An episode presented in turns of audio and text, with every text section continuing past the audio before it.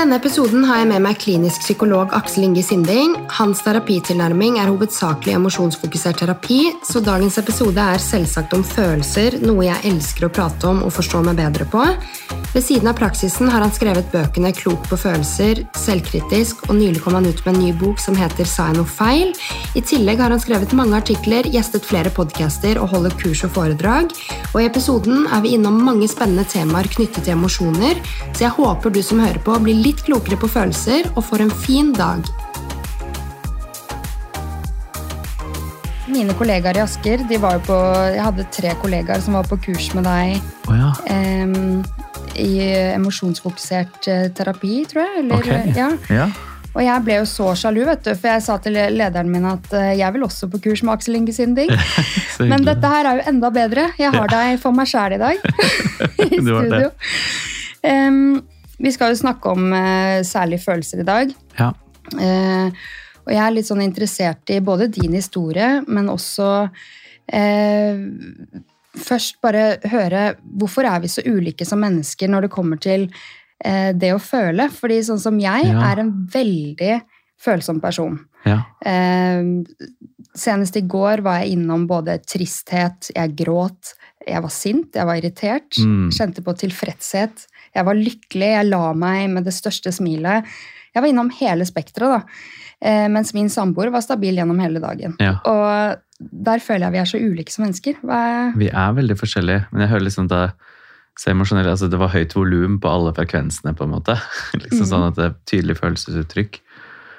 Um, noe av det er jo rett og slett fra naturens side. ikke sant? Vi blir født inn i verden med en viss sensitivitet eller temperament.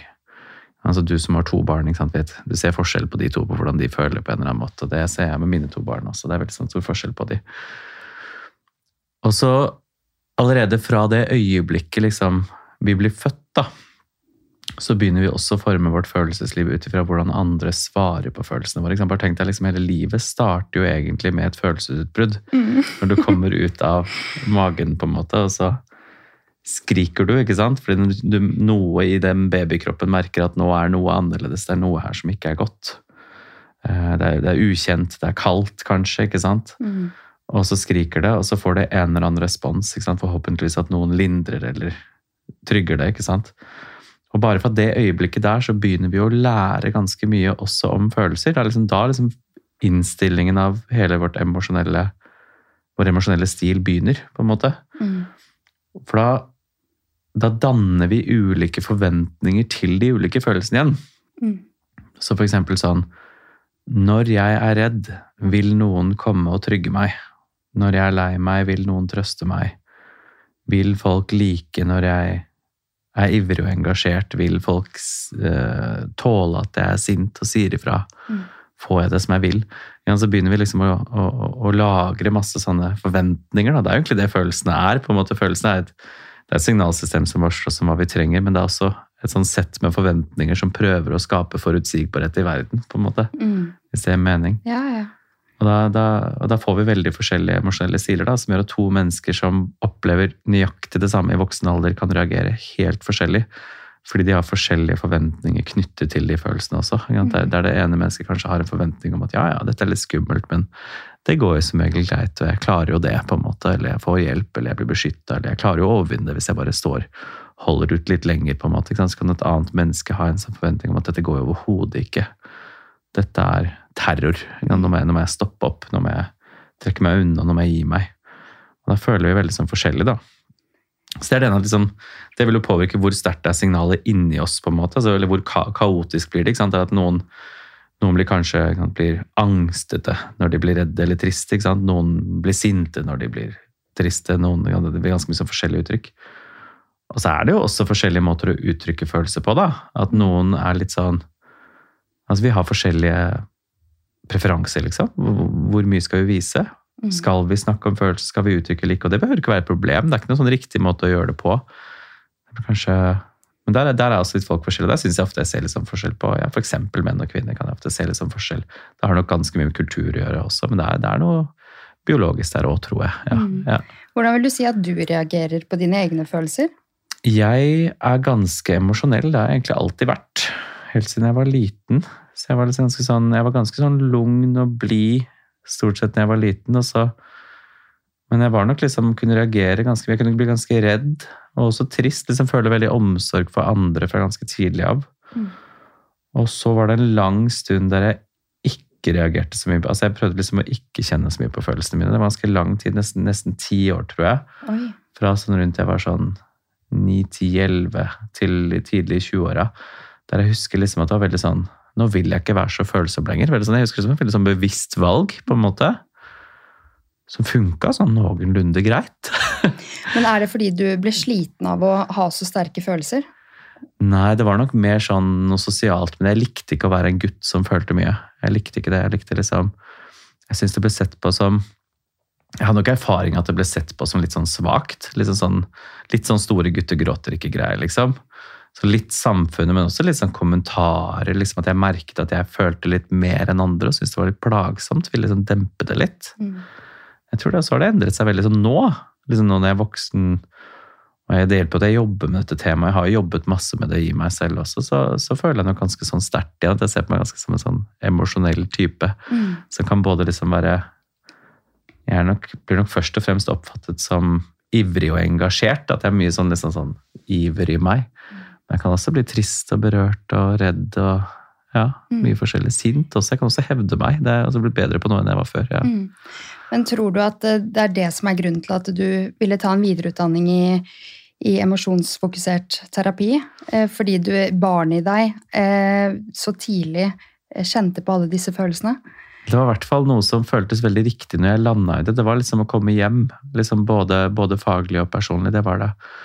Um, jeg hadde veldig sånn lenge en sånn historie om at jeg ble psykolog veldig tilfeldig. For at jeg skulle egentlig bli fransk- og engelsklærer. Oh, ja. og, så, og, så, og, så, husker jeg at liksom jeg måtte søke, jeg hadde liksom kort tid på søkefristen, for jeg var i militæret. Og da kom det liksom brått på liksom at alle befaler bare nå må du huske å søke i dag. liksom studier, Og vi bare å ja, okay, vi må søke noe kjapt, liksom.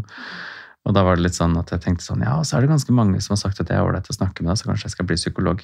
Mm. Og så føltes det litt sånn tilfeldig, på en måte, at jeg ble psykolog. Men jeg, det var veldig sånn, jeg var veldig sånn trygg med en gang jeg begynte å studere. Så det tok fire uker, så bare ja, dette er riktig, greit, dette skal jeg ah. fortsette med. Det var sånn veldig sånn deilig. Men så jobbet jeg på en helt annen måte de første årene mine som psykolog. Jeg jobbet mye med organisasjonspsykologi og mye med sånn kognitiv atferdsterapi og metakognitiv terapi. og sånn Masse med liksom tanker, da og verktøy. En sånn terapiform som er veldig sånn basert på liksom sånn mye sånn, ja Verktøy, teknikker, tankens kraft, på en måte. Mm. Og så var det ganske tilfeldig at jeg kom inn på emosjonsfokusert terapi. for jeg, jeg, jeg, vant faktisk det første året, altså en konkurranse for å få første året på utdanningen gratis. Det, det, er helt sånn rart. på en måte. Den, den, jeg deltok i en konkurranse, og så vant jeg, og så visste jeg ikke helt hva det var. Og så, og så var det liksom Ja, ja, men nå, nå, gjør jeg dette kult, liksom. Og så husker jeg var på første dagen på første samling, så tok det liksom sånn ja, Litt sånn som med eh, psykologutdanninga, liksom. At det tok sånn tre-fire timer, og så bare Ah, det er sånn her, ja. Sånn har jeg lyst til å jobbe. Da ah. følte jeg meg liksom litt hjemme, da. Ja. Så nå har jeg ikke sett meg tilbake siden, egentlig. Ja. Nei. Men eh, starter da det følelseslivet vårt helt fra vi er små? For det er jo mange sånne Eh, regler, på en måte, eh, og tips man får som nybakte foreldre, f.eks. For at eh, noen sier 'la ungen gråte og lukte døra'. De tar ikke skade av det. Mens de tipsene der klarte ikke jeg å følge, f.eks. Det, det var bare Alt inni meg sa stopp. Gråtekurer, liksom? Litt ja, sånn, ja. Da, nei, altså det skjedde ikke, da. At jeg klarte å lukke døra og få dem til å gråte seg i søvn. Mm. Men så vet jeg at andre gjør det, og så man, man utøver den foreldrerollen så forskjellig. Mm. Eh, men er det der det starter, eh, og at man tar med seg måten man har blitt behandla på, til og med før man kan huske hva foreldrene gjorde med deg? på en måte? Ja, det starter lenge før det. Jeg tenker det starter fra det øyeblikket Egentlig så starter det allerede fra magen, kan mm. du på en måte si. Altså, vi, eller vi blir utsatt allerede da for følelser. Mm. Det, er, det, er, litt sånn skummel forskning da, eh, som viser at uh, babyer, altså ba barn um, som er i magen til en mor som ikke har det bra, er mer urolige senere enn oh. en eh, de som er i magen til en mor som har det bra.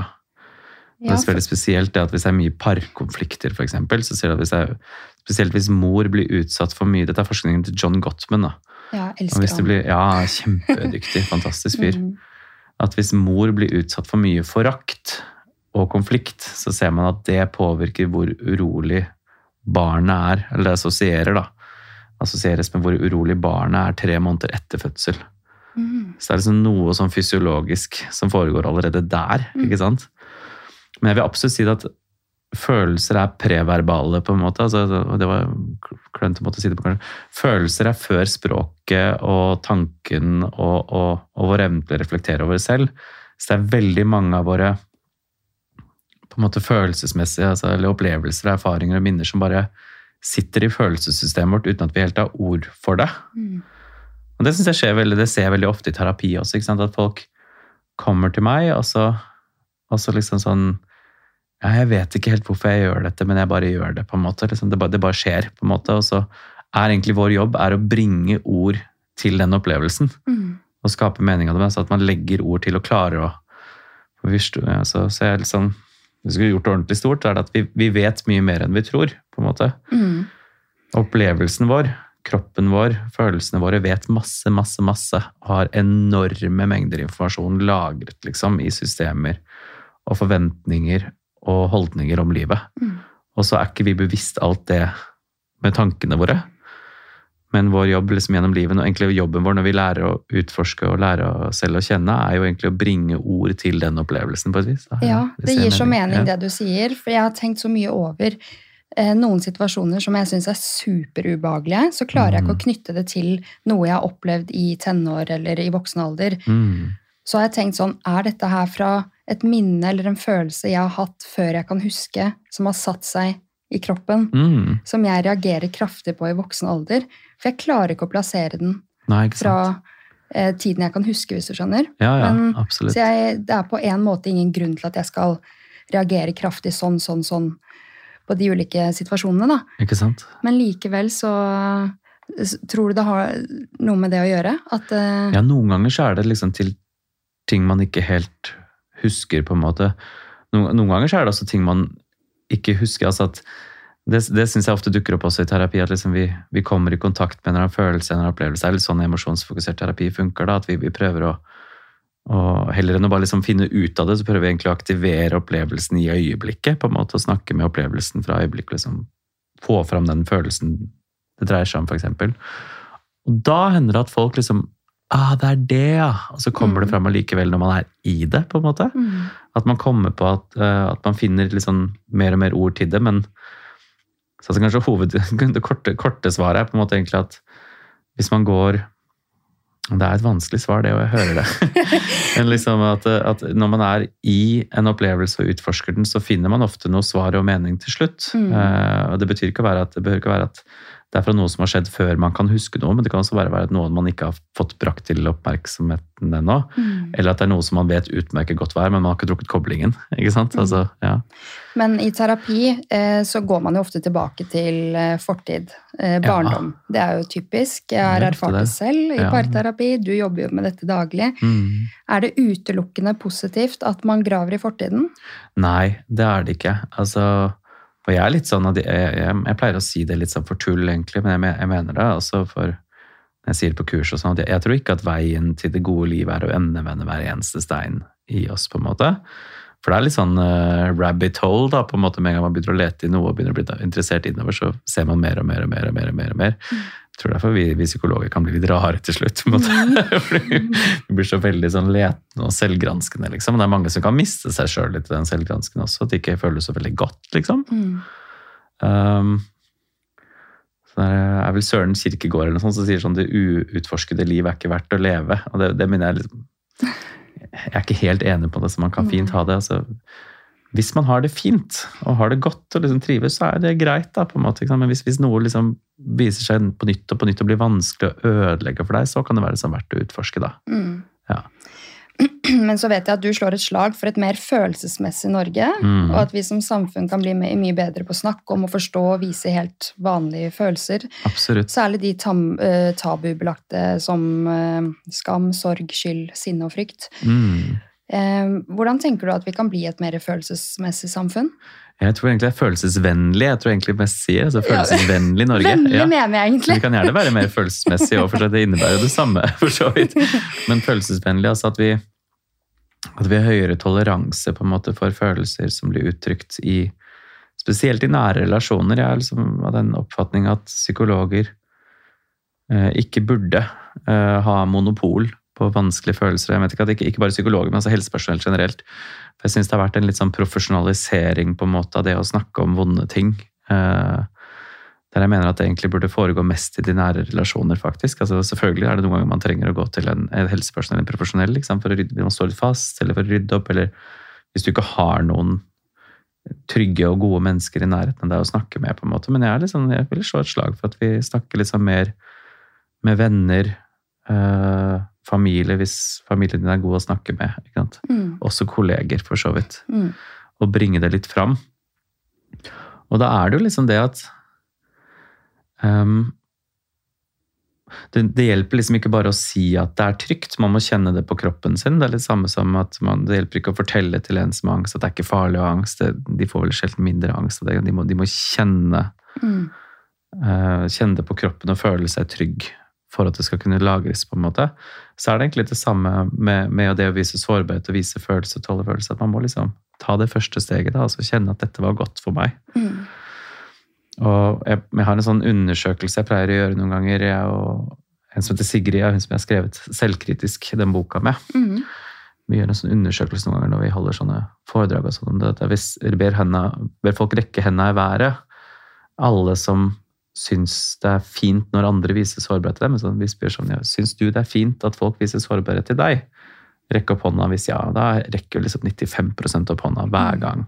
Mm. Den største gruppen jeg har gjort dette, var med 1300 mennesker i, i rådhuset. Oi. Og da, alle, da, ser du alle disse hendene da, gå mm. opp, liksom.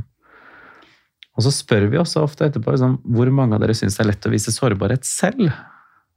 Da er det, da er det sånn 5% da, mm. nedpå der. Så der. Alle syns det er like skummelt, liksom, for alle er redde for det samme. Vi er, vi er, redde for å bli ledd av, vi er redde for å bli avvist, vi er redde for å bli sett på som svake, vi er redde for at den andre ikke skal ta oss imot på en god måte. Mm. Så kanskje liksom veien Dette var en lang vei å komme til svaret, da, men liksom, hvordan kan vi bli et mer følsomt i Norge? Det er liksom både å tørre å å vise det. altså Ikke bare snakke om det, men vise det. Vis det med ansiktet ditt. Det er noe annet å bare snakke kan, Alle kan snakke om følelser. Mm. Eller om symptomer, og bare si det. Men å vise det med ansiktet er noe litt annet. Helt enig. Og, ja, eh, da får du også en helt annen respons, da. Ja. Sånn, ja. Jeg er en veldig åpen person. Jeg har innsett, jeg har alltid egentlig vært det, men sånn etter jeg særlig fikk barn, så kjenner jeg at det er ganske befriende å være åpen om de sårbare tingene. Ja. Eh, både til barnehageansatte, eh, random foreldre i barnehagen. Og jeg merker med en gang at der eh, bygger man en relasjon. Fremfor at man bare snakker om eh, hvor mange brødskiver har sønnen din med i barnehagen, mm. og hvor mye spiser han, og mm. Men med en gang man deler at liksom, ting er litt vanskelig, denne helgen var helt grusom, bilturen var et helvete, jeg føler så mye skam fordi jeg kjeftet mm. Med en gang man er åpen om de tingene, så merker jeg at folk åpner seg tilbake. De gjør det. Og så får man et mye finere bånd, da. Absolutt. Mye, man... nærere. Ja. ja, mye nærere.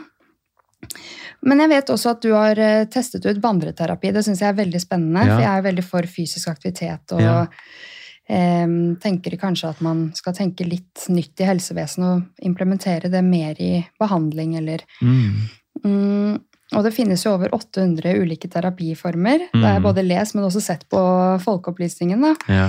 Eh, kan du dele tanken bak at du startet det prosjektet Vandrepsykologen? Eh, Vandrepsykologen, ja. ja. Eh, og merket du noen forskjell på klientene dine som får terapi innendørs kontra utendørs? Absolutt. Altså det, det, var i 2016, og så var jeg mellom to jobber, og så hadde jeg lyst til å gjøre et litt sånn veldedig prosjekt. Og da tenkte jeg sånn, ja, men jeg, jeg, må gjøre noe jeg er litt god på, på en måte. Så jeg vil liksom ha det eller hvert fall gjøre noe som er innenfor, er innenfor kjernekompetansen min, og det er jo terapi. da. Så jeg ville gi terapi, og så hadde jeg jo ikke noe kontor, da, rett og slett. Så jeg måtte tenke sånn, hm, hva kan være andre måter å gi det på? Ah, jeg kan ta det utendørs, gå tur. Det blir fint. Og så hadde jeg noen tanker allerede da. liksom at Jeg skjønte liksom at dette, dette tror jeg kommer til å bli fint. Og så la jeg ut sånn gratis, eh, eller la ut annonser liksom at eh, alle som ville, kunne få to timer gratis. da. Eh, Det gikk tur og snakket om ting. Og så var det veldig mange som på, meldte seg på. Det tok liksom ett døgn, og så hadde alle plassene blitt fylt opp. Jeg tror det var jeg husker ikke hvor mange jeg hadde, jeg lurer på det var rundt sånn 15, 15 ulike klienter, tror jeg, eller vandrere, som jeg kalte det, Mm. som vi gikk med. Og, og det var flere ting som var annerledes med det enn terapirommet. Altså det, det, ene, det ene er kanskje litt med at det var en ramme for at du får to timer, altså én pluss én, med en uke i mellomrom. Og da skjønte folk at de hadde litt dårlig tid, så de kom veldig raskt til det som var viktig. Mm. det kan jeg si, så det kan ha hatt litt bare med formatet å gjøre også. Ja. Men jeg syns nå at det å, å gå sammen og snakke gjør noe annet med samtalen. Altså det, det er deilig å slippe øyekontakt. Du merker det kanskje når jeg, når jeg sitter og snakker med deg nå, så sitter jeg ikke og ser på deg hele tiden. ikke sant? Jeg sitter liksom og Bruker ser litt rundt i, Mm. i rommet og beveger seg. Og det, og det er en sånn ting vi gjør ganske naturlig med de fleste når vi er i samtale, men som er enda lettere å gjøre når vi går tur. Mm. Så man slipper liksom å kjenne den andres blikk på det hele tiden. Slipper å møte blikkontakt. Man sitter liksom ikke låst i en samtale, kanskje rett overfor hverandre som vi sitter i terapi. ikke sant? Så det, det, det er følelsesnedregulerende, da, ville jeg sagt. Det betyr at det, også, det gjør at følelsene våre blir svakere Mm. egentlig, i det øyeblikket. Og det kan gjøre det lettere å snakke om vanskelige ting. Mm. Um, og så er det også noe med at når kroppen er i bevegelse, så viser hjernen seg ofte at da blir vi mer kreative. Eh, altså vi finner andre innfallsvinkler. Så klienter liksom raskere kom til andre måter å se ting på fordi de var i bevegelse. da. Og jeg òg, jeg merket det på meg selv også, at jeg var psykolog på en litt annen måte da enn jeg, når, jeg, når jeg sitter stille. Jeg tror Inne på kontoret mitt så er jeg så automatisert. Jeg sitter alltid i den samme stolen. Når, de, når folk kommer inn for første gang og sier hvor skal jeg sitte, så er det ganske tydelig at du skal sitte i den stolen. på en måte. Ja. Hvis de setter seg i min stol, så blir jeg helt satt ut. ja. da blir jeg helt sånn forvirra. Eh, Så er, vi, vi går liksom inn i våre vante mønstre. Så det er noe med det å bare være ute og gå samtidig som man snakker, som gjør at uh, vi tenker litt annerledes. Mm. Men det er ikke alltid man vil ha følelsene ned heller. Altså jeg, jeg vil jo ofte ha følelsene opp. Ja. ikke sant? Mm. Altså sterkere aktivering for å kunne finne ut hva de dreier seg om, og utforske dem. ikke sant? Eh, Så der har jeg merket litt at det er noen samtaler som egner seg bedre til vandreterapi enn andre. F.eks. første samtaler, hvis man skal bli kjent, hvis klienten syns det er litt vanskelig å snakke om ting. Hvis du skal snakke om noe veldig vanskelig, som f.eks. relasjonen vår da, mellom terapeuten og klienten. liksom å si at det har vært et alliansebrudd. Altså det betyr liksom at altså, jeg, jeg har misforstått klienten, eller klienten føler at det er et eller annet jeg ikke catcher, eller at det er utrygt med meg, eller et eller annet sånt. ikke sant? Sånne samtaler syns jeg er veldig greit å ta ute, Mm. vandrende. Mens hvis vi skal jobbe sånn konkret med en liksom oppgave eller tema, et emosjonelt mønster, liksom jeg, jeg vil ha følelsen litt opp, så syns jeg ofte det er bedre å sitte inn på kontoret igjen. da. Ja. Mm. Tenker du at fremtidens psykologtimer kan være litt frivillig fra klientens side, om det skal foregå ute eller inne? Jeg håper jo det, da. Ja. Det er mindre tabu bare nå enn det var da. Jeg husker i 2016 at jeg var dritredd bare for å skrive om dette. For jeg var redd for at folk skulle komme sånn Herregud, hva er det du driver med? Har du terapi utendørs? Det er jo helt uforsvarlig. Kritikeren i dag. Ja, ja. Det skal vi i hvert fall snakke om i dag. ja, ja, ja.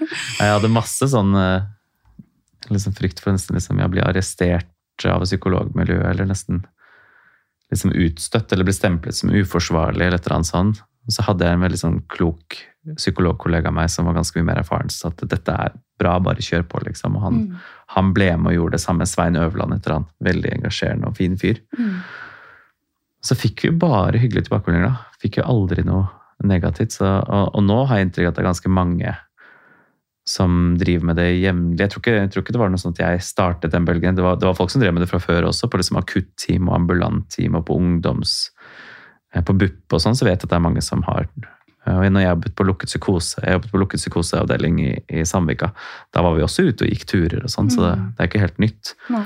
Men jeg har inntrykk av at det er mye vanligere nå enn det var i 2016. i hvert fall. Mm. Nå vet jeg at det er flere psykologer som liksom kun tilbyr denne formen for terapi. Ja, og så vet jeg jo ut fra historien at det Aristoteles eh, hadde forelesning i Vandrende, og Absolutt. ja. Så det går back eh, Det gjør det. i tid. Sokrates også, den sokratiske utspørringen foregikk jo egentlig vandrende. Ja, kanskje det var han jeg mente. Masse ja, det, jeg tror jeg, jeg vet i hvert fall at han gikk rundt og hadde det gikk under disse sånne store søylegangene liksom, i, i Ja. gamle Hellas. Mm. Mange andre også. Platon? Trousseau og sånn også. Sånne der, ja, mange sånne mm, filosofer på midten ja, Nå husker jeg ikke når de levde, da. Men jeg husker jeg sjekket det i forbindelse med foredraget. Det er mange som liksom ja. ut i naturen. Mm. Gå. Ja. Mm. Ja. Men var det eh, hovedsakelig menn du ville treffe når du skulle da ha var det alle. Ja. Så da var det flest kvinner faktisk som meldte seg på. Men det Ja. var en del menn.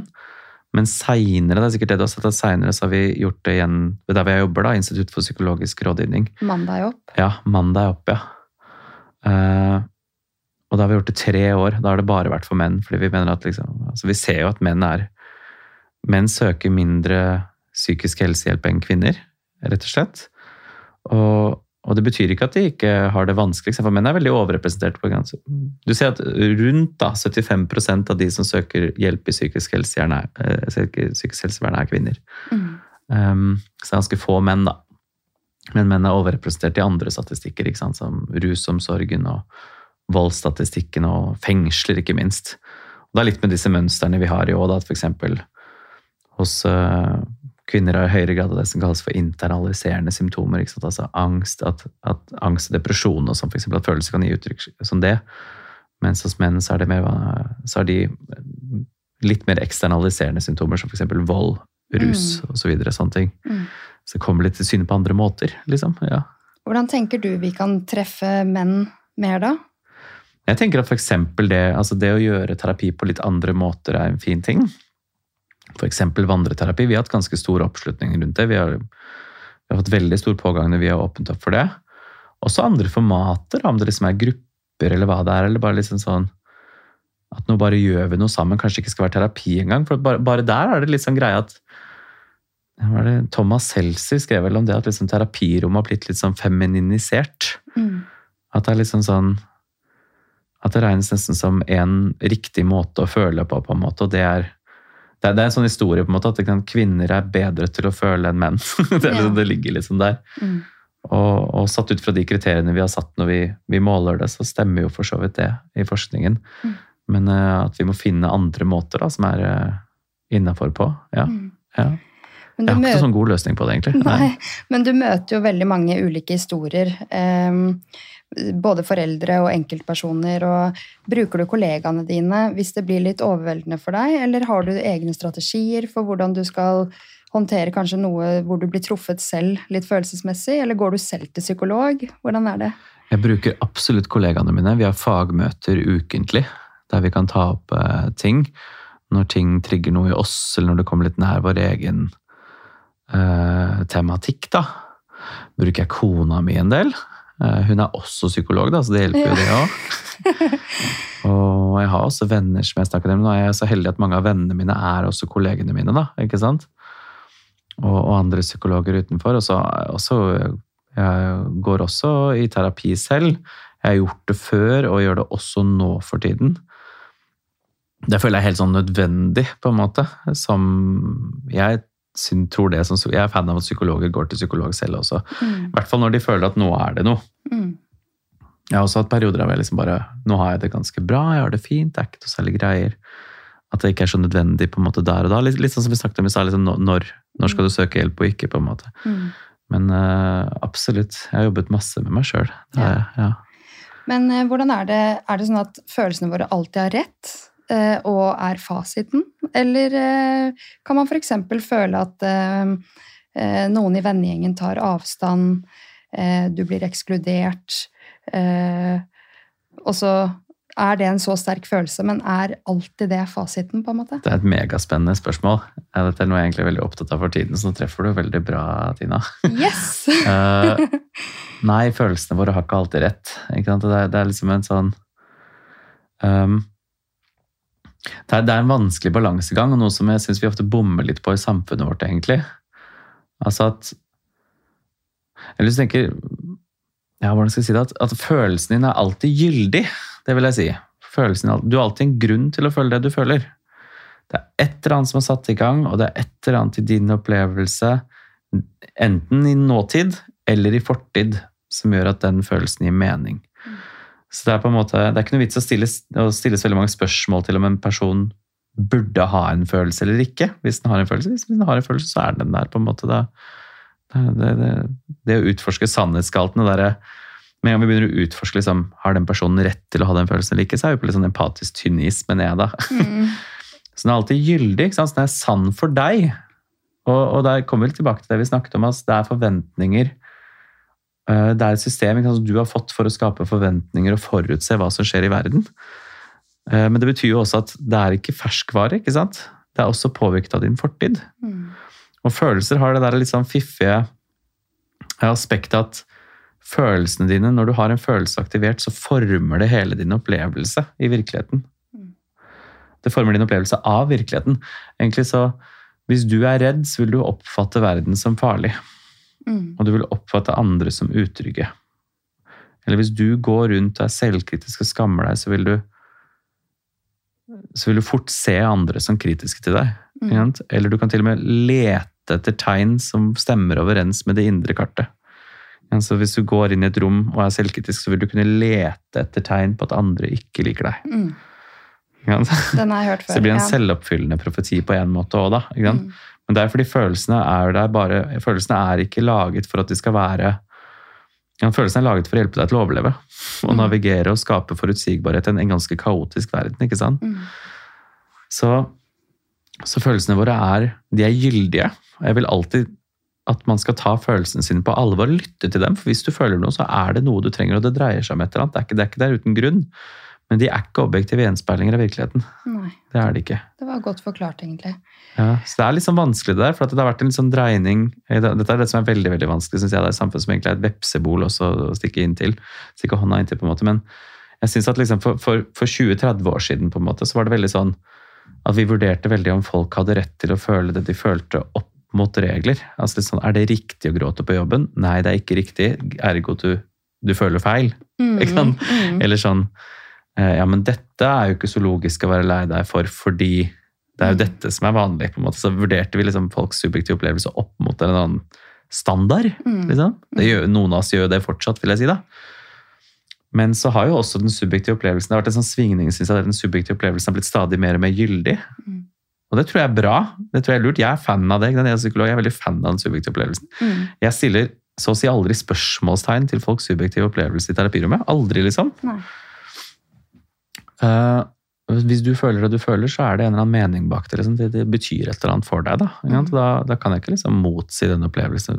Da kommer jeg ikke noe vei. Nei, Man kan ikke arrestere noen på å si 'nei, du føler ikke dette'. Nei, For ikke en sant? følelse er liksom din Eller si at du har ikke rett til å føle dette. Det blir helt feil. Det blir Ja. veldig uempatisk. Liksom.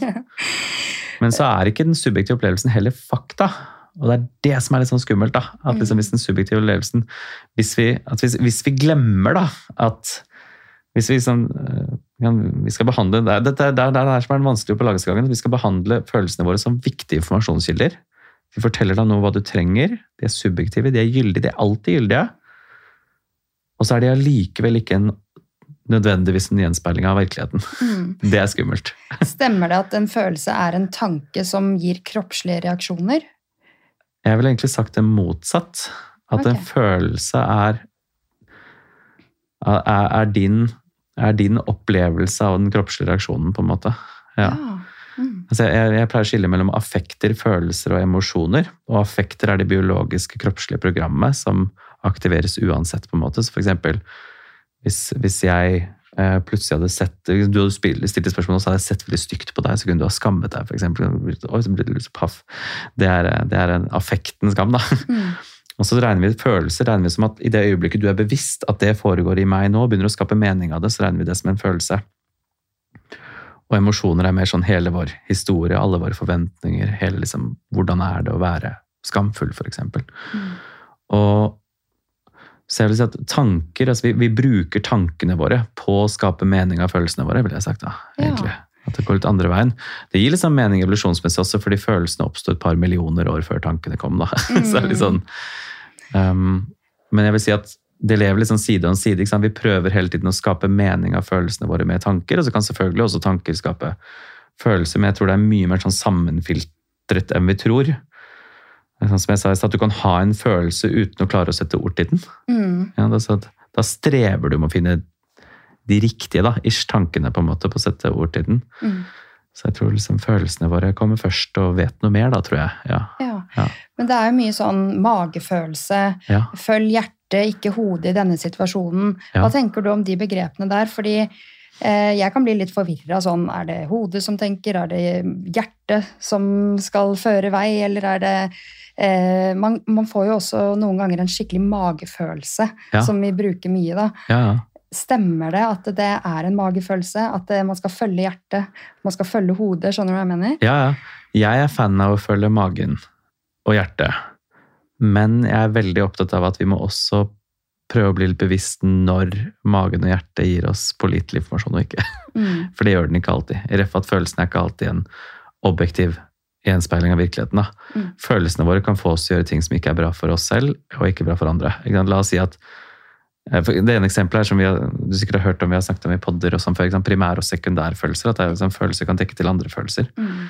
Altså, for eksempel, når følelsen din forteller deg at du har lyst til å kjefte på kjæresten og be han dra til helvete, så kan det hende at du egentlig trenger nærhet.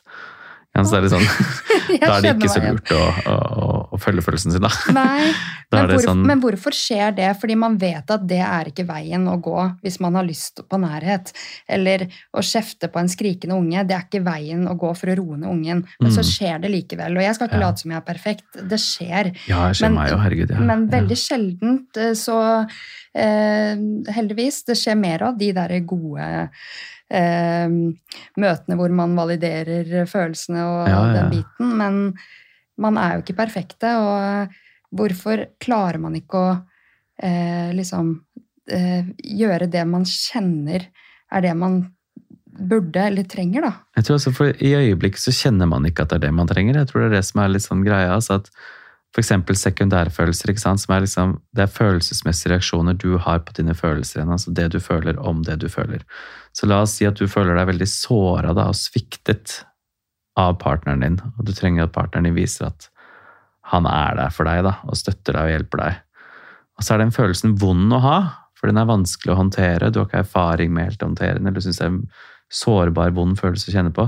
Og så blir du sint fordi du har den følelsen i kroppen. Det er jo sånn jeg forstår sekundærfølelse. Du er, du er sint for at du har den vonde følelsen i kroppen din. Men i det øyeblikket du da er sekundært sint, så kjenner du deg bare sint. Men du kjenner ikke at liksom egentlig er redd. Men du kjenner deg bare sint. Ja. Og hva er det det sinnet sier? Det sinnet sier 'ha deg vekk'. Mm. Fuck you. Ja. Jeg går. Jeg, får, jeg går ut av rommet. Jeg vil ikke ha noe med deg å gjøre. Kalle, den følelsen for deg til å si stygge ting. Ja, vi, vi Snakker du om meg, på- eller? Nei, det snakker generelt om. Men uh, skjønner at du kjenner deg igjen. Det er veldig vanlig, det er veldig vanlig mønster. Mm. Veldig mange parkonflikter er nettopp sekundært sinne mot sekundært sinne. ikke sant? Det er liksom begge to egentlig kjenner på sårbare behov. da. Mm. Men den følelsen i øyeblikket, den, den, den sier bare vekk. Det er det den organiserer oss for. Eh, Jeg snakket om det at følelser organiserer vår virkelighet. Han, han Grunnleggeren av emosjonsfokusert terapi, Leslie Greenberg, han pleier å si at When I get angry, my wife gets ugly. Ja. Og det er, liksom, det, er, det er det samme, liksom, at når vi er sinte, så er den andre bare kjip og jævlig og Stygg. Ja, og stygg. Ja, ja.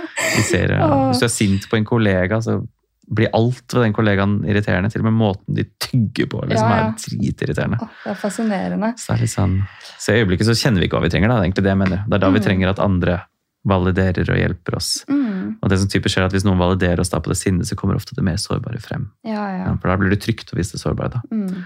Jeg kjenner jo igjen det at samboeren min han er sånn Han klarer ikke å møte meg hvis jeg får sinneutbrudd, da. Nei, Men med en gang tårene kommer, så er han der med en gang. det er akkurat det. Mm. Det var det vi snakket om i stad. at det er noe annet. En ting er å snakke om følelser, men å vise følelser. Det er akkurat som når vi, altså egentlig, når vi viser primærfølelser, altså våre reneste følelser, de grunnleggende følelsene, liksom, så utløser det nesten alltid en sunn respons fra andre mennesker. Det er veldig sånn rart. Men sekundærfølelser gjør det ikke. Så for eksempel sånn, det kan være vanskelig hvis jeg som sitter her og hører på, altså hvis, hvis, hvis noen er sekundært sint på deg, eller har sekund, angst, da, som jeg også forstår som en sekundærfølelse, så kan det være vanskelig å forstå og føle sympati for det. Også depresjon. Det kan være vanskelig å være liksom ordentlig empatisk med det. Mm. For det, det, er, det, er, det er noe mer. Mm. Det, er, det, er, litt rotete signal ofte. Mm. Og vi kan bli sånn slitne, vi kan bli irritert, lei. Jeg, ah, jeg orker ikke det der, eller vi blir sure, eller Mm. kjenner ikke omsorg for det. Mm. Men det øyeblikket den rene følelsen kommer fram, litt sånn i Nesten som et barn, ikke sant? Så kjenner vi bare umiddelbart hva vi skal gjøre. Når han ser tårene dine, så bare herregud, Mm. selvfølgelig skal jeg være der for deg. Problemet er bare at man klarer ikke å presse, eller jeg klarer ikke å presse fram tårene Nei. når jeg er sint. Altså, da er jeg sint. Men tårene kommer jo naturlig etterpå eller senere. Um, Når det blir trygt nok, Ja. eller eventuelt at det blir så kraftig at du ikke klarer at det kjører gjennom allikevel. Eller, ja, Mm. ikke sant? Men man elsker jo å stå i de gode følelsene. Eh, Mm. Men når de negative følelsene kommer, er det akkurat som at man kjemper for å få de bort. Eh, er det hensiktsmessig, eller bør man eh, lære seg å stå i de vonde følelsene på lik linje som de gode, tenker du? Det er liksom både da, faktisk. Det, er liksom, det, det kan liksom overraske folk litt, liksom, men, men på en måte at vi har alle våre strategier for å dytte bort vonde følelser, og noen ganger er det helt greit. Jeg må liksom bare si det Ja. sånn. Altså, liksom, altså, la oss si at du sitter på et møte og plutselig blir dritforbanna, på en måte, og det ikke er trygt å vise det der, så er det helt greit å dytte det bort litt. Eller, så, eller hvis du er trist eh, Jeg har jobbet Hvis du jobber med folk Eller hvis, hvis du er i en krise da, og du ikke har tid, altså, du har ikke rom, kapasitet, det er ikke trygt, det er ikke tid for å kjenne på den sårbare følelsen, så er det helt greit å dytte det bort litt, ikke sant? Mm. Eh, men det kan ikke være en regel om at du alltid dytter det bort. Det er kanskje litt sånn, det er kanskje der skillet går, liksom, når, når det ikke funker for deg lenger, på en måte. Mm. Så jeg er jo absolutt åpenbart fan av å la negative følelser være der, og det er det jeg som regel må hjelpe folk med i terapirommet, da. Mm. At kjenne, altså, å tillate vonde følelser også å være der. Jeg vil også si at det er en forutsetning igjen for oss å kjenne gode følelser, faktisk. Ja. Ja, det henger litt sammen. Mm. Vi ser også at glede, for eksempel, altså det å være glad, utløses som regel når vi får møtt et emosjonelt behov Mm. hos en negativ følelse, faktisk. Altså vi er, vi er redde for noe, vi føler oss trygge, eller vi, vi, klarer, vi klarer å mestre det, så Mm. blir vi glad. Mm. Altså, det følger ofte hverandre. Men hadde vi klart å kjenne på de gode følelsene uten de vonde? Altså, hadde vi kjent på hva lykke er, hvis vi ikke hadde kjent på hva det å være ulykkelig var? Eller eh, kreativ, hvis man ikke har kjent på det å kjede seg og ha null kreativitet? Jeg vet ikke, sånn, kanskje sånn rent teoretisk, men det som vi ofte ser er at hvis man ikke kan kjenne på de negative følelsene, så, og, og de er der, altså hvis, hvis de er der, men du ikke klarer å kjenne på det, eller vil kjenne, så vil de kunne forstyrre ganske mye av de andre følelsene. Altså, når jeg jobber med folk som savner glede og iver og engasjement, så er det ofte fordi andre følelser står i veien. Mm. Det, det er det vanligste. Men det går jo Men det er jo ganger du også bare er ivrig og engasjert og har det bra over lang tid. Mm. Det er jo også det. Mm. Det er egentlig litt vanskelig. Det er vanskelig sånn, ja, Rent teoretisk vil jeg tenke ja, men i praksis så nei. ja, jeg vet Skjønner. det var et godt svar. Ja, ja, det var det. Men kan du dele hva som er hensiktsmessig å gjøre når man opplever de ne eh, ulike negative følelsene som eh, sinne, skam, frykt? Øv på å uttrykke dem i trygge relasjoner, kanskje. ikke sant? Og så er det litt sånn, prøv å finne, være litt sånn alltid nysgjerrig på liksom Er dette alt, på en måte? I det liksom sånn, for eksempel sånn For eksempel sånn sinne, ikke sant, som du snakker om der, der liksom man, man slenger ut noe veldig hardt, eller liksom støter folk unna, eller sånn. Veldig vanlig at det er sekundært, ikke sant? Altså at det ligger over andre følelser, som å for eksempel føle seg sviktet, eller ydmyket, eller ikke respektert, eller såra, eller et eller annet sånt, ikke sant? Og da må man jo på en måte da kan det være lurt ikke sant, å lære seg noen strategier. da, liksom sånn, ok, Kanskje jeg skal puste litt sånn ekstra, eller vente litt, eller utsette litt. Ikke sende den mailen med en gang, eller Mm. litt sånn sånn type ting. Og så kjenne etter sånn, hva, hva er det jeg egentlig trenger inni skinnet. Liksom komme i kontakt med det du snakket om i stad. liksom sånn, hva, treng, hva ønsker jeg egentlig at partneren min skal gjøre nå? Ønsker jeg at han skal ha seg vekk, eller ønsker jeg at han skal være nærmere meg? Hvis jeg ønsker at han skal være nærmere meg, aha, da er det antageligvis en sårbar følelse der. Mm. For den sårbare følelsen trenger nærhet er stort sett frykt eller Mm. tristhet, på en måte. ikke sant? Mm. Så det er litt sånn prøve å så Det er liksom ikke noe Det er, det er vanskelig å gi sånn generelt råd, fordi følelser kan være så mye forskjellig. Noen ganger så kan vi, vi kan skamme oss over følelsene våre òg. Jeg kan skamme meg over å være redd, f.eks. Uh, hvis den skammen da forteller at jeg skal gjemme meg og skjule meg og dekke meg til, så er ikke det alltid så hensiktsmessig. Da er det ikke så lurt å følge følelsen min. ikke sant? Mm. Men det kan være vanskelig å snakke om det og vise det. Ja. Det er veldig vanskelig å gi et svar på, egentlig. Ja. Men jeg vet at du selv har erfaring med følelser knytta til forakt. Eh, Ja. Kan du dele mer om det? Ja, nå er jeg litt usikker på hva du sikter til, egentlig. Er det noe du har lest til har skrevet, eller noe sånt? Jeg, Eller har- eh, jeg har hørt deg si det Ja. i ulike podcaster, okay. eh, hvor du har tidligere kjent på eh, mye forakt eh, Ja, eh, for deg selv. Altså Ja, overfor deg selv. sånn selvforakt, ja. Ja, men Ja. så vet ikke jeg, jeg har ikke, Du har ikke gått i dybden på det. Så det er derfor jeg spør liksom, om du kan dele mer om det.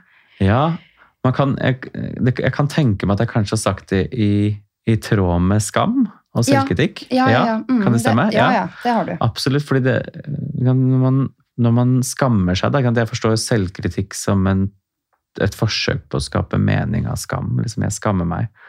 Og når vi skammer oss, er det akkurat som Hvis det kommer innenfra, da, så fra vår egen indre kritiker, liksom ikke fra en annen person som står overfor det akkurat her og nå, så er det på en måte at en del av meg skammer meg og har det vondt, og det er en annen del av meg som forakter meg. på en måte. Mm, Det er en del av oss som ikke liker noe ved oss mm, og forakter oss, eller avskyr eller er sinte på oss.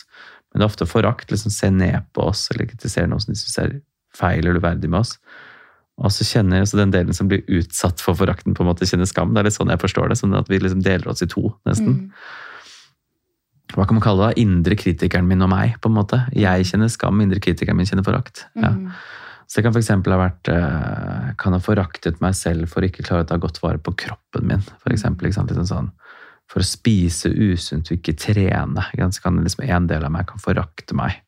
Se ned på meg, se på meg som svak. Eller jeg kan forakte, men jeg kan skamme meg over Når vi snakker om at jeg kan skamme meg over å være redd, så kan vi også si at jeg forakter min egen frykt. ikke sant? mm, Så en del av meg kan si Herregud, nå er du svak. Nå, er du, nå må du skjerpe deg, være litt mer tøff. liksom, Være, være litt voksen mann. da. Det er en slags forakt. ikke sant? mm. Så det er akkurat som en del av oss forakter oss, og en del av oss uh, skammer oss. Ja, litt Mm. sånn. Ja. Forstår jeg det? Mm, Vår indre kritiker kjenner ofte forakt. ja. Ja. Du har jo skrevet en bok som heter Selvkritisk. Um, hva var bakgrunnen for at du ville skrive om det? Er det egne erfaringer, eller er det fordi du møter mye av dette her hos egentlig alle du prater med? Mest faktisk det siste. Eh, Faktisk. Altså, så, altså, jeg, jeg har absolutt strevd mye med selvkritikk, jeg også, men, men jeg har nok andre temaer som er vondere for meg enn selvkritikk. Faktisk. Dette har jeg- tror jeg også sagt i podkast før. altså.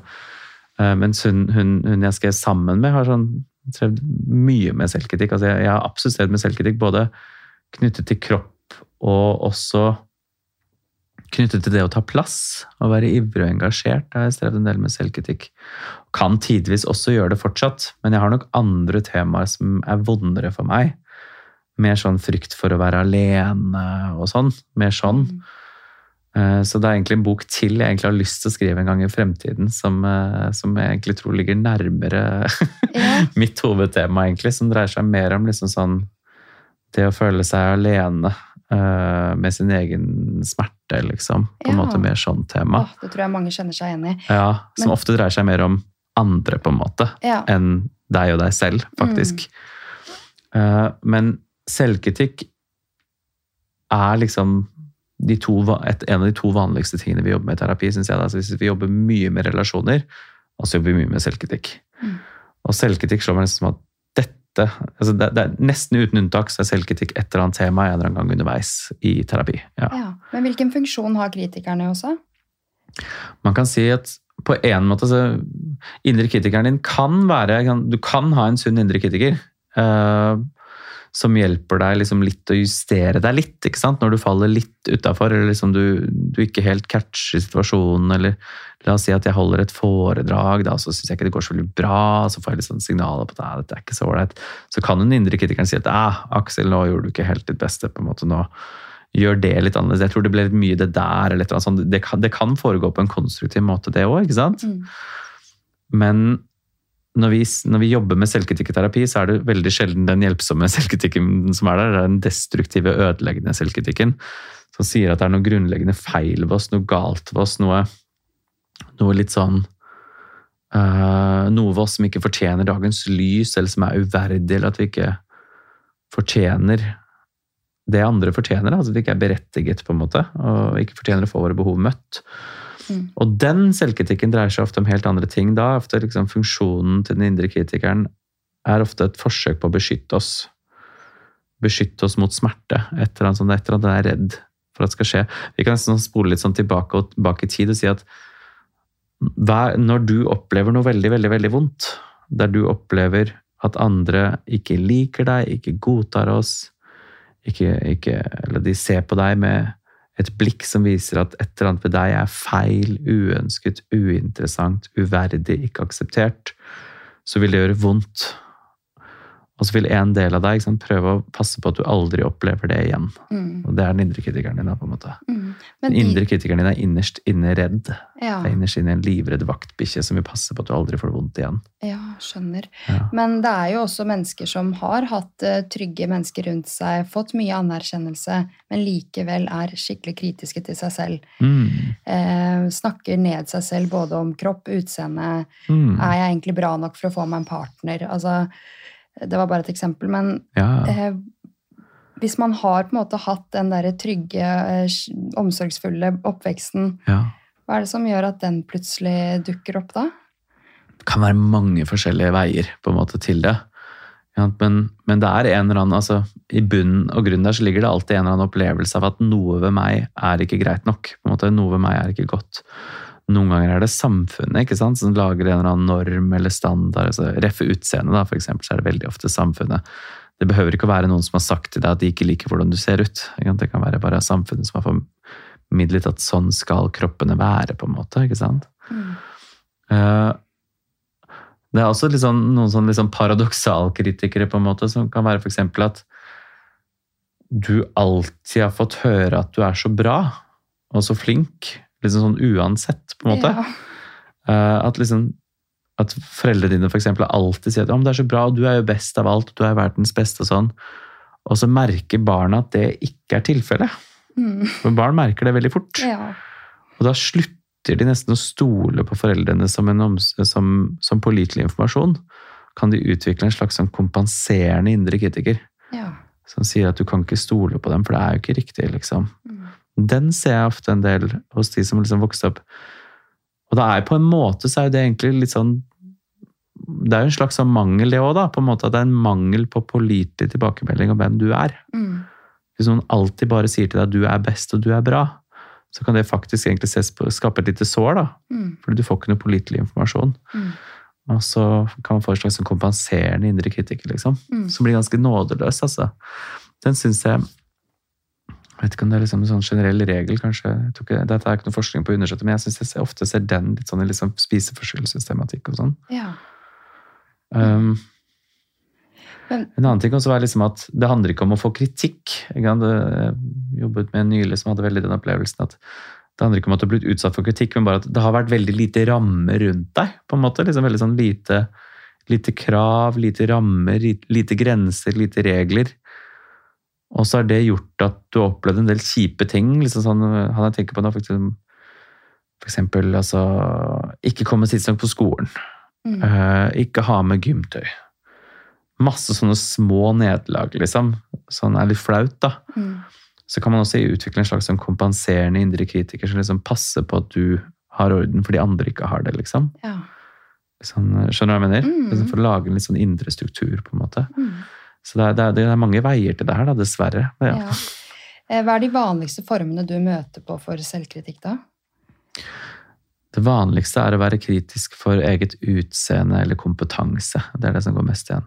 Dum og stygg og feit er liksom de tre ordene. som Det høres litt sånn brutalt ut når jeg sier det, men det er litt sånn det er en litt sånn saying, nesten, i, i, i psykologmiljøet. Ofte liksom dum, stygg, feit. De går igjen. Veldig ofte, de. Det er interessant at du tar opp det med kompetanse, eh, fordi jeg spurte samboeren min eh, har du et eksempel fra når du følte deg selvkritisk sist, Ja, som jeg kan ta opp med Aksel. da. ja, Eh, så hadde han vært på hyttetur med noen kompiser, og så hadde de sittet på kvelden og spist og drukket og kommet inn på eh, temaer som politikk i USA. da. Og der følte samboeren min at han hadde ikke så mye å bidra Ja, med. Han lærte mye, men der var han litt sånn ja, Der ble han litt selvkritisk, fordi han Mm. følte at eh, han har ikke så mye kompetanse som de andre hadde på det feltet. da. mm, Men så vet jo jeg at han er superflink og handy og alt mulig mye annet. Men Mm. man kan jo ikke være god i alt. nei. Og man har ikke interesse for alt. så det med kompetanse Jeg har kjent på det selv også, jeg. Ja. Eh, Så ja, det, jeg skjønner at det på en måte er et Det går veldig igjen, altså. mm, Og det er litt sånn som du sier, at det er litt sånn forskjellig, altså. Hvor viktig er det feltet for deg, på en måte? Altså, liksom, jeg kan veldig lite om biler. Jeg kan ingenting om biler, liksom. Altså, jeg vet eh, Nå gjør jeg litt narr av meg sjøl, men altså, jeg, vet, jeg vet at jeg har bakhjulsdrift, liksom. ja. Eh, og jeg vet hvordan du bytter olje, og jeg sjekker olje og bytter eh, og fikser spillevæske og sånn, jeg vet veldig lite annet om motorer og sånne ting. Men det er ikke noe viktig tema for meg heller, ikke sant? Nei. Så når andre begynner å snakke om bil og spør meg om bil, så er jeg sånn, nei, jeg vet ikke så mye om det, og så gjør det egentlig ikke så veldig mye, liksom.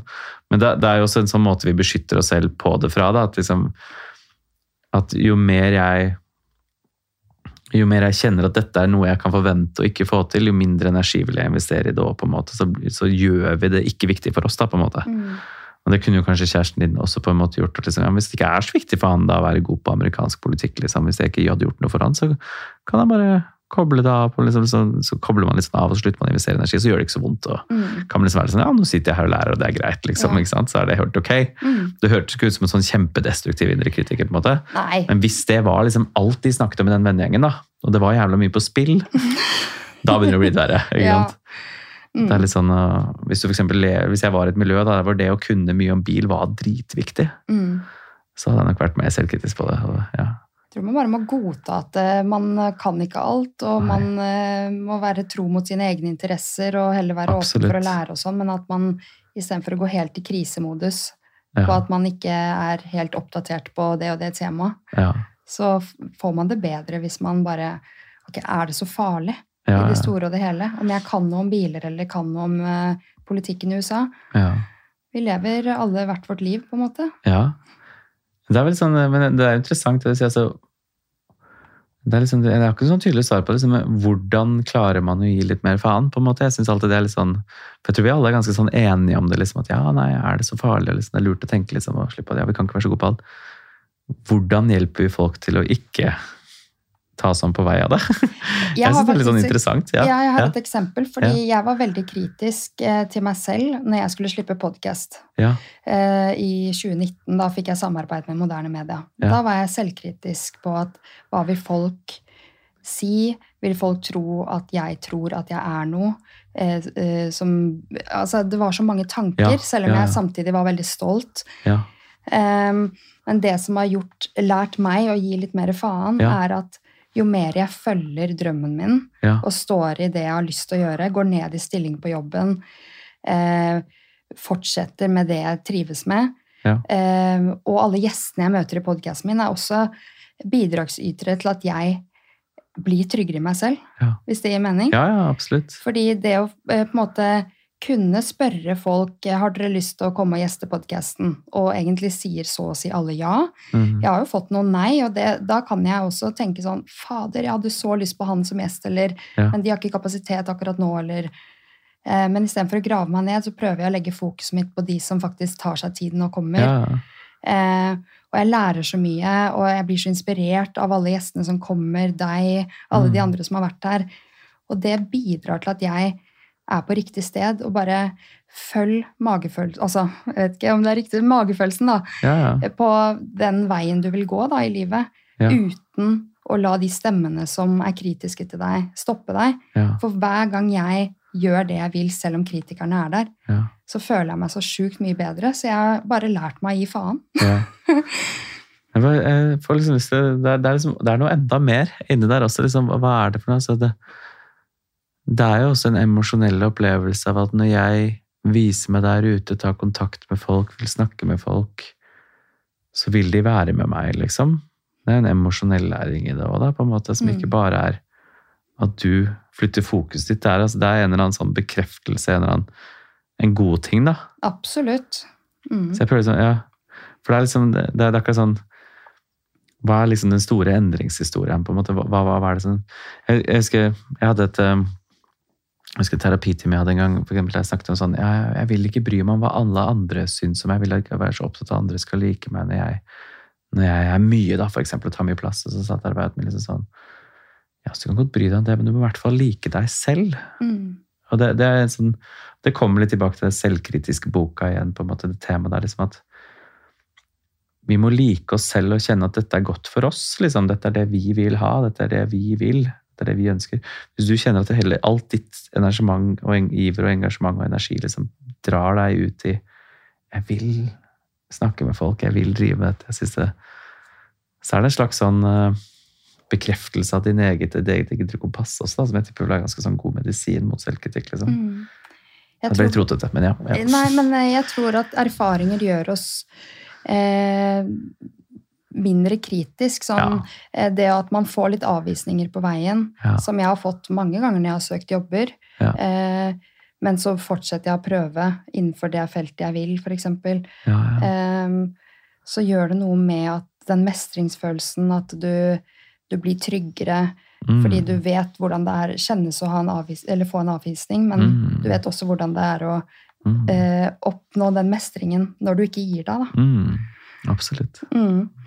Men eh, jeg vet jo at du driver med foreldreveiledning. Ja. Du er jo pappa selv. Hvor mange barn har du? To barn. To. Ja. Hvor gamle er de?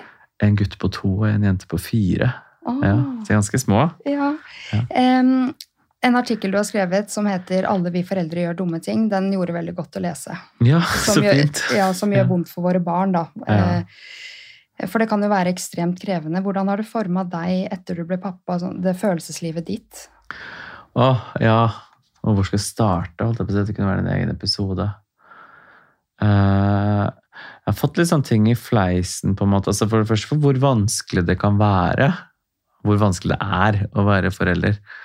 Jeg visste ikke hvor sint jeg kunne bli før jeg ble pappa, tror jeg. Liksom hvor, hvor, irritert jeg kunne bli. Liksom hvor, og ja, det tok en stund. Det var ikke liksom med, med babyen så mye, for vi hadde en ganske rolig baby, men liksom at det kan virkelig liksom Herregud, så irritert og sint jeg kan bli, liksom. Mm. og, men også litt sånn Det er den, den artikkelen handler om. Den handler om reparasjon. ikke sant? Å si unnskyld. At det er egentlig, egentlig så Kortversjonen er egentlig at det er mer utviklingsfremmende for barn at vi gjør masse feil og sier unnskyld, altså reparerer halvparten, enn at vi gjør alt riktig. Mm. Så det, det, er helt greit å gjøre feil, bare reparere for halvparten. At, og at jeg i hvert fall vil gå foran som et godt eksempel da, for barna mine der, så jeg passer alltid på å prøve å si unnskyld mm. når jeg har gjort noe Når jeg har blitt litt sint eller blitt litt streng. Jeg tror ikke jeg kan bli Jeg kan både være litt Jeg tror jeg for det meste jeg tror jeg er mer ettergivende enn jeg er streng som mm. pappa. Jeg tror mm. det.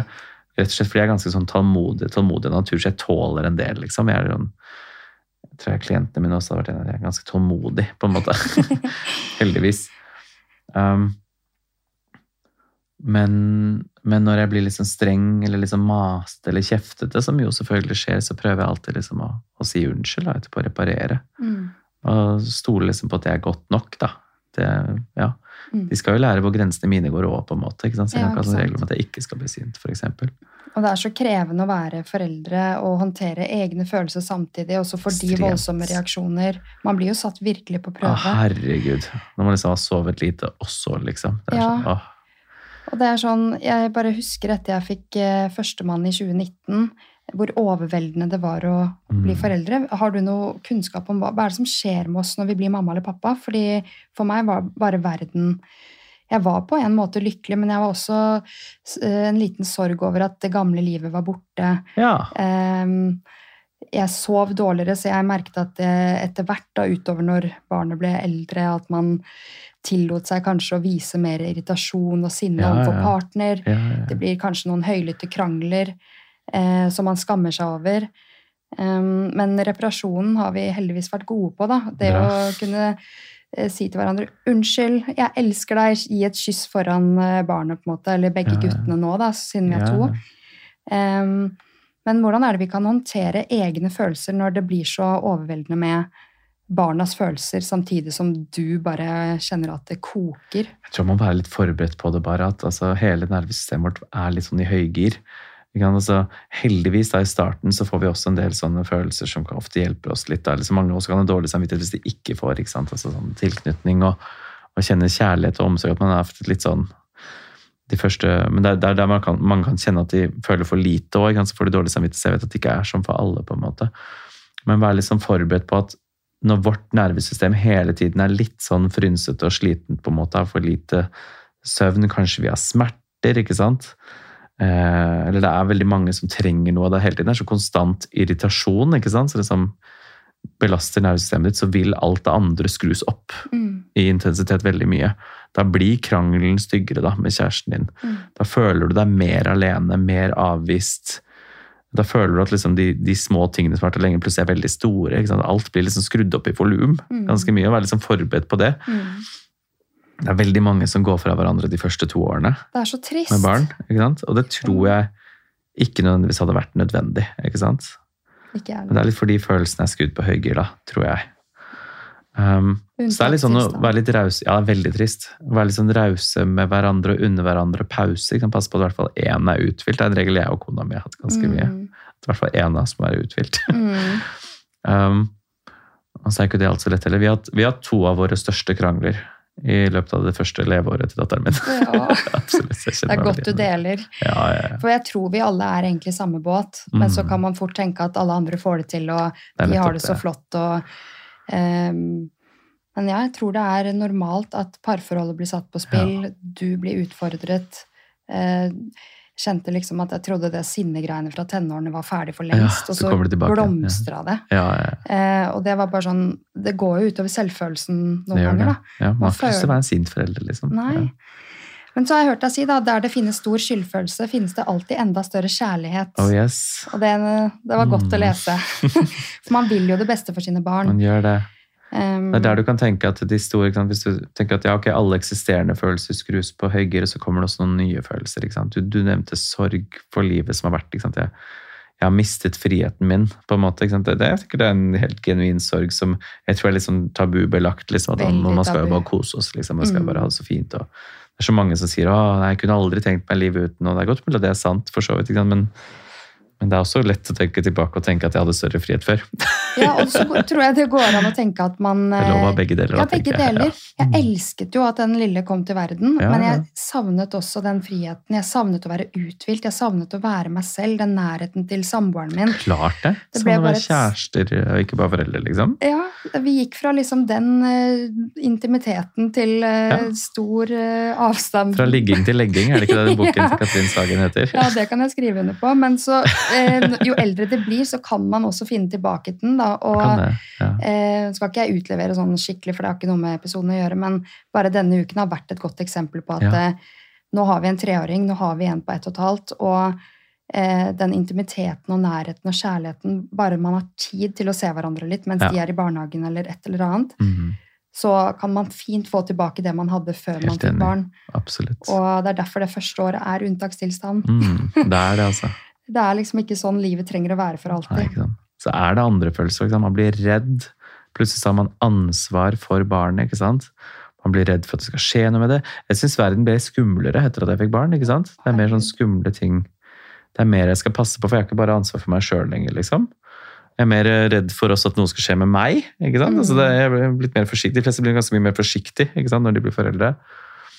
Uh, og det er også den der med, ikke Vi snakket om med skyld. ikke sant? Du ønsker så veldig at barnet ditt skal ha det bra, at du også veldig lett får skyldfølelse hvis du ser at barnet ditt ikke har det bra. Ja. Det er tilknytningssystemet vårt. da. Mm. Og det er sunt, jeg tror det er nødvendig, jeg tror det er en del av pakka. liksom, ikke sant? At vi ønsker å være gode foreldre for barna våre. Mm. Eh, Men jeg vet at det også kan bli trøblete. Eh, hvordan møter man barnas følelser best mulig, særlig de vanskelige følelsene, da? Dette var et, et langt spørsmål, egentlig. Dette kunne vært en hel episode også, Tina. Yes, ok, eh, oss validering, da. er Validering og invalidering? Ja, ok. Kort forklart.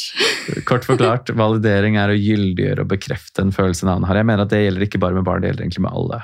At liksom rent vil si at den, den beste, egentlig også mest effektive måten, faktisk, hvis du skal tenke på det litt sånn for dere som er for de som ikke faller etter den helt naturlige, at det er, det er også den mest effektive måten Mm. å håndtere følelser på, er å validere dem og gyldiggjøre. Og det høres litt sånn typisk ut som det er ikke rart at du føler det sånn fordi sånn og sånn og sånn. Så prøv, men det, det høres veldig enkelt ut som en ferdighet, som en teknikk jeg sier nå, da. Men det må være koblet med sånn genuint ønske om å faktisk Eller en genuin holdning om at den andres følelse er gyldig, da. Ref som vi snakket om tidligere i episoden, altså at subjektiv opplevelse er gyldig og har verdi. Ikke sant? Altså si at det er ikke rart at du får lyst til å be kjæresten din dra til helvete når du blir sint for han har såra deg. Ikke sant? For der og da så føles det som det eneste riktige, fordi da er det bare det sinnet koker, og da blir det sånn. Mm. Det gir mening, ikke sant? Mm. Han såra deg. Selvfølgelig har du lyst til å ha han unna. Mm. Det er validering, ikke sant? Mm. Eller det er ikke rart at du syns det er spennende og kult å drive med podkast. Fordi du får møtt masse kule gjester, du får drevet med det du har lyst til å gjøre. Du får testa det, du får liksom gjort noe du virkelig brenner og ivrer for, og det er jo kjempedeilig. Mm. Invalidering, da? Hva er eh, typisk Å for det? gyldiggjøre og, eller avkrefte eller bagatellisere eller kritisere da, en annens følelsesmessige opplevelse. Sånn. Mm. Faktisk er det liksom, Du burde jo bare gi litt mer faen, da. Det er faktisk en involvering, egentlig. Mm. Ja. Litt sånn faktisk. Altså, altså, litt sånn Ja, men herregud, det er ikke noe vits å være usikker på om du får til podkasten. Du må jo bare tenke at dette ordner seg. Ja. Sånn, som sikkert mange sa. Ja, ja. Ikke sant? Ja. Eller eh, ja, men herregud, hvis du har lyst til å ha kjæresten din nær, så må du ikke kjefte på han. Mm. Det er involveringer, da. Det er, det er ikke like godt å få. Nei, absolutt ikke. Men det Det er jo en felle vi kan ja. gå i, alle sammen. Veldig. Og vi gjør det ofte Mm. altså De positive involveringene, altså sånn som er sånne uskyldige sånn Ja, ja, det ordner seg, eller det går bra, eller Mm. Så ille er det vel ikke. Ja, se på den lyse siden. Prøv å tenke positivt. De der på en måte er jo stort sett bare fordi vi vil ha det bra igjen raskt. Ja. Eller vi vil hjelpe den andre ut av en følelse, så bare funker det kanskje ikke så bra. Men de negative involveringene er som regel fordi vi selv er overvelda. Mm. Altså når vi selv er slitne, når vi selv er oppgitt, frustrert, trøtte. Det er det vi gjør med barna våre da når vi er skikkelig lei. Mm. Så, ja, nå må du slutte å gråte, Ja. sier de. ikke sant? Ja, da har vi det er en negativ involvering, da. Og det har vært så sykt spennende å ha deg her. Um, kunne snakka med deg eh, veldig mye lenger. Jeg har fire faste spørsmål nå til slutt, Ja. som jeg stiller alle gjestene. Eh, hvordan starter du uken best mulig? Oi. Ja, mest med, altså, jeg, jeg er veldig sånn Jeg liker egentlig veldig godt måten jeg starter. Kanskje det er måten jeg starter på. Um, litt ekstra god tid om morgenen. Kunne ha det litt sånn rolig, ikke stressa av gårde til barnehagelevering og sånn. Det synes jeg er deilig. Og så kjøpe en kaffe på kafeen i Asker før jeg setter meg på toget inn til Oslo. Så bare høre på litt sånn deilig, avslappende musikk mens jeg drikker en kaffe på toget inn. Det er deilig. ja. Det koser jeg meg med. Ja. Ja. Hvordan snur du en dårlig dag om til en god dag? Da snakker jeg med noen jeg liker å snakke med. Ofte med kona mi. Mm, det er det jeg gjør. Hva er du takknemlig for? Ganske mye, egentlig. Jeg er takknemlig for jobben min. Jeg er takknemlig for å ha privilegiet å kunne bare At jobben min er å snakke med folk hver dag om viktige ting. Det syns jeg er ålreit. Mm. Ja. Viktige ting, altså, da mener jeg viktige ting for dem. Ja. Ja. Ja. Hva inspirerer deg? Oi, jeg blir alltid inspirert av å lære nye ting, jeg, stort sett. Det er egentlig litt sånn eh, hører jeg det egentlig sånn sirkulær, for det er jo det som er jo jeg er inspirert av. Men også, å lære nye ting og kunne fordype meg i et, eh, et tema eller et fenomen, det syns jeg er gøy. Da ble jeg skikkelig inspirert. Da ble jeg gira. Blir jeg også veldig inspirert av tull. og Tøyse. Ja. Humor ble jeg inspirert av. Ja. Tusen takk for at du kom til Inspirasjonspodden. Veldig hyggelig å være her.